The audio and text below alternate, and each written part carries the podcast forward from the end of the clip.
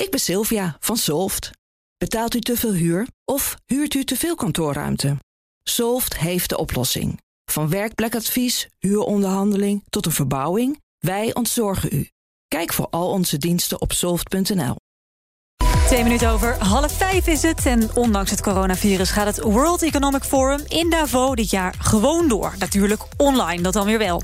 Vandaag is de dag ook van de grote namen, de bobo's. Onder meer Angela Merkel, Emmanuel Macron en Ursula von der Leyen. Die spreken vandaag.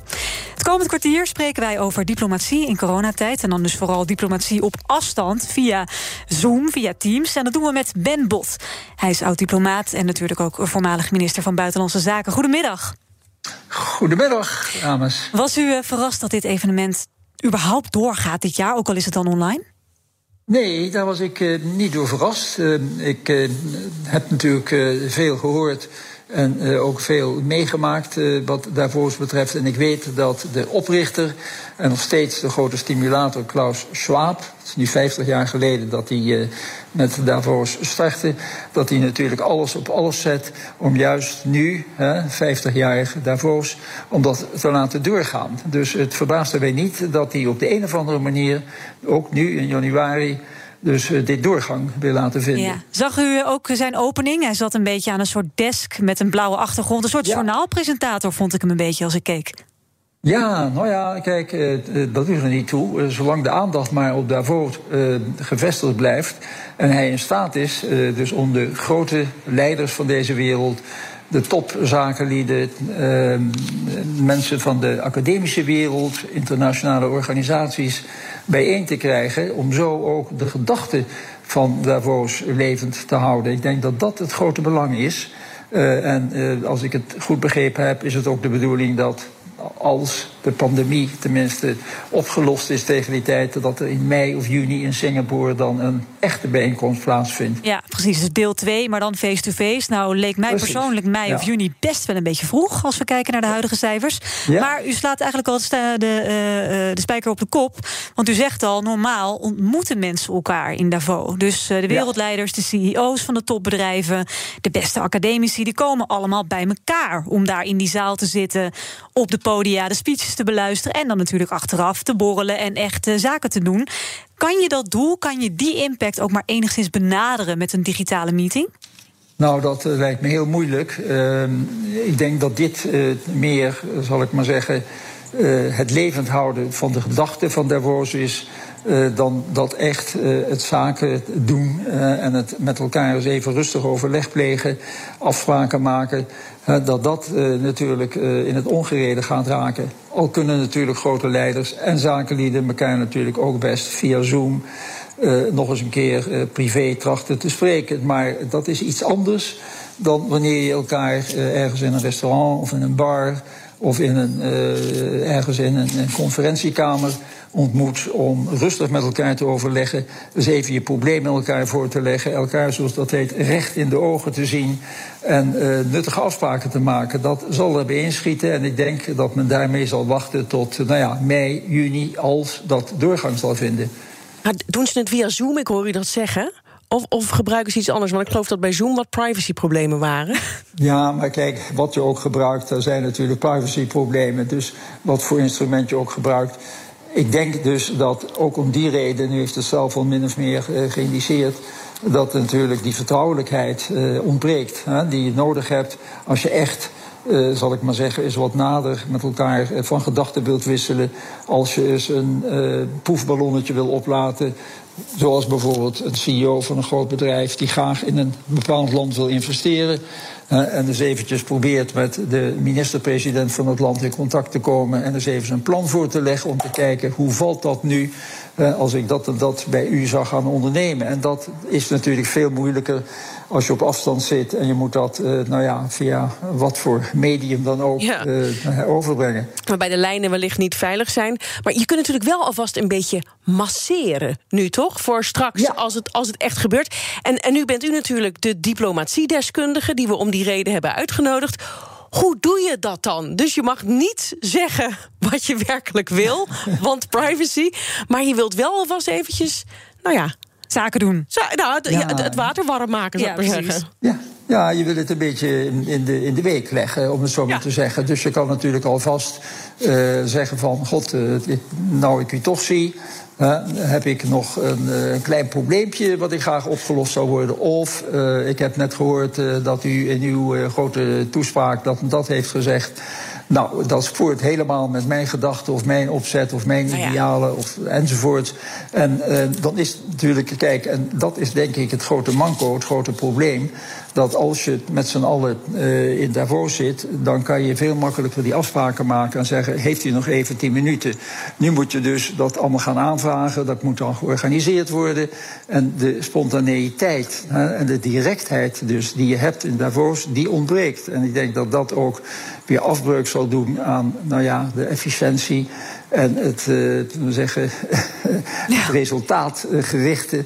Uh, van, van, van Davos. Ja. Want uh, we moeten niet vergeten, het is natuurlijk een ideale plek om uh, de, van alles en nog wat te bekokstoven. Zowel politiek, maar ook voor het bedrijfsleven die wil investeren, die, die met nieuwe plannen komen. Want dit jaar, het heet niet voor niks de grote reset.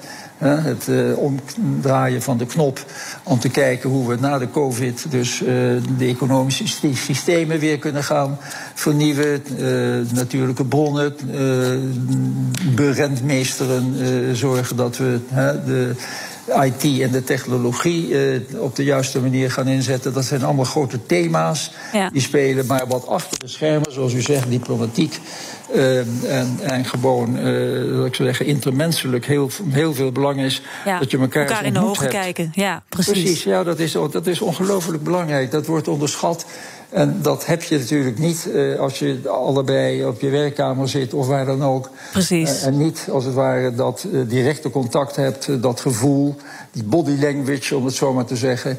waarbij je elkaar eens even aankijkt en zegt: wat voor persoon heb ik daar eigenlijk? En kan ik daar echt zaken mee gaan doen? Nou, wat, hoe, wat dat betreft is het natuurlijk ook echt anders dan anders. Toch ontbreken al die grote namen niet. Die zijn er gewoon, zoals Ursula von der Leyen, de, Europese, de Europese Commissievoorzitter. Die was er ook gewoon vanochtend. Die mocht een uh, speech ja, openen. Uh, laten we even een klein stukje luisteren naar haar. This year, the World Economic Forum is once again asking the right questions with your initiative, Klaus, the Great Reset. We must learn from this crisis. We have to change the way we live and do business, to be able to keep what we value and hold dear. If temperatures keep rising and nature keeps disappearing, we will see more natural disasters and zoonotic diseases. Von der Leyen, Ursula von der Leyen zei ja. dat. Um, meneer Bolt, ze kijkt dan continu in de camera. Hè, dus, dus eigenlijk ja, kijkt ja. ze je aan als je dan thuis voor je scherm zit. Um, het is natuurlijk ook zenden, want er is dan geen interactie. Aan de andere kant vroeg ik me af, nou, normaal staat ze op een podium, staat ze voor een zaal. Dan is er eigenlijk ook geen interactie, behalve dat, dat ze de, de gezichten in de zaal kan zien. Maar dan is het ook vooral zenden. Dus is er wat dat betreft nou echt een verschil?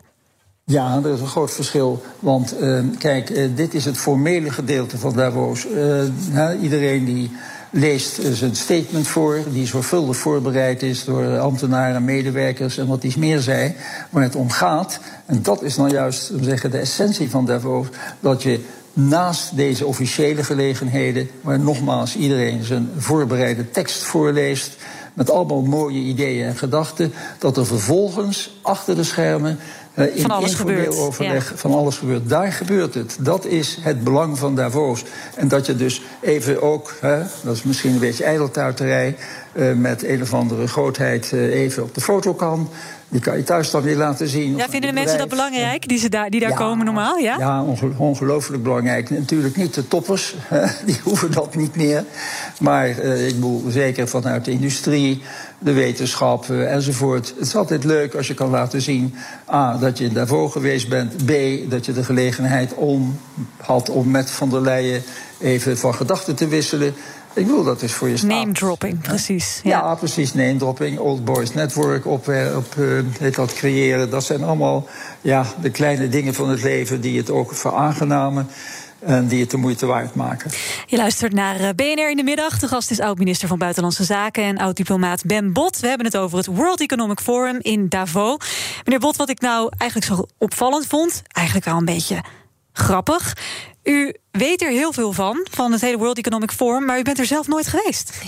Nee, nee ik, ik heb wel een aantal uit de keren ben ik uitgenodigd, maar uh, er is een, een Turks spreekwoord dat zegt dat als de zon schijnt, zie je de sterren niet. En uh, hier is het zo dat als je niet uh, een topper bent, en met andere woorden de CEO van een groot bedrijf of een, een, een, bekende leider of een minister-president, dan loop je er een beetje verloren bij. Je mag wel overal naar binnen. Bent u daar bang voor dat, dat als u daar naartoe zou gaan, dat u er verloren bij zou lopen?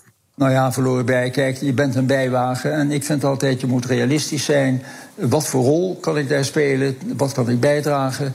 En daarom heb ik altijd gezegd, uh, nou ja, uh, als ik dan zeg, naast een minister-president of naast wie dan ook loop, dan ben ik toch iemand ja, die, die in dat gezelschap wat minder telt.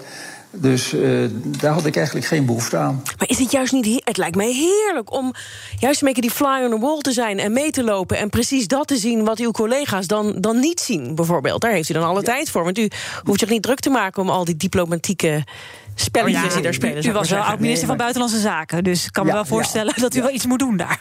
Ja, ja, nee, dat is zeker. Ik bedoel, er, er was genoeg uh, mogelijkheid geweest om uh, contact te leggen, dingen te doen. Maar die gelegenheid heb je natuurlijk ook bijvoorbeeld uh, bij de opening van de Verenigde Naties in september. Hè, dan heb je ook zo'n week dat iedereen in oh, ja. de wereld elkaar ontmoet. En in de achterkamertjes allerlei zaken bekokstoft. Uh, ik heb natuurlijk ruimschoots de gelegenheid gehad, uh, ook tijdens het voorzitterschap van de Europese Unie, dat wij in 2004 hadden om met werkelijk Jan en allemaal in de wereld uh, te praten en te verkeren. Want dan ben je ineens het hoofd van de Europese Unie. Um, dus dat, dat had ik niet zozeer nodig. En ja, dan denk ik altijd om daar zo'n week een beetje yeah. rond te shocken in de sneeuw. U koos uw moment. Ja, precies. Meneer Bot, ik wil er nog even eindigen met de vraag of die top uh, dit jaar, ook al is hij dan online, um, in Davos, zou dat niet juist extra belangrijk kunnen zijn dit jaar om te praten, bijvoorbeeld over de impact van het coronavirus? Ja, dat, dat is het zeker. Dus uh, ik denk dat het ook om die reden is dat men besloten heeft de top weliswaar op deze manier, maar toch te laten doorgaan. Ook om een signaal aan de wereld te geven van uh, wat er ook gebeurt. We zijn hier om in het licht van die COVID te kijken of op die vijf terreinen hè, die uit, uitgekozen zijn, om daar inderdaad te zien hoe we de Great Reset, nadat de COVID afgelopen is, dus opnieuw te kijken hoe we met de essentiële onderdelen, de natuur, uh, de IT, uh, de economie, hoe kunnen we daar als het ware een nieuw begin mee maken. Uh, en uh, zorgen dat we goed uit de as herreizen. En dat dat voor belang is voor de hele wereld. En daarvoor moeten we nu al bij elkaar komen om met elkaar te overleggen hoe we dat uh, in de praktijk, als het ware, in de praktijk gaan brengen. Dank u wel voor dit gesprek. Ben Bot, voormalig minister van Buitenlandse Zaken en oud-diplomaat. En denk je nou, ik wil meer van dit soort gesprekken? Ja, natuurlijk, dat kan. Elke dag komen deze langere gesprekken online als podcast. Je vindt ze op bnr.nl slash topgast of in de BNR. Ik ben Sylvia van Solft. Betaalt u te veel huur of huurt u te veel kantoorruimte? Solft heeft de oplossing. Van werkplekadvies, huuronderhandeling tot een verbouwing, wij ontzorgen u. Kijk voor al onze diensten op soft.nl.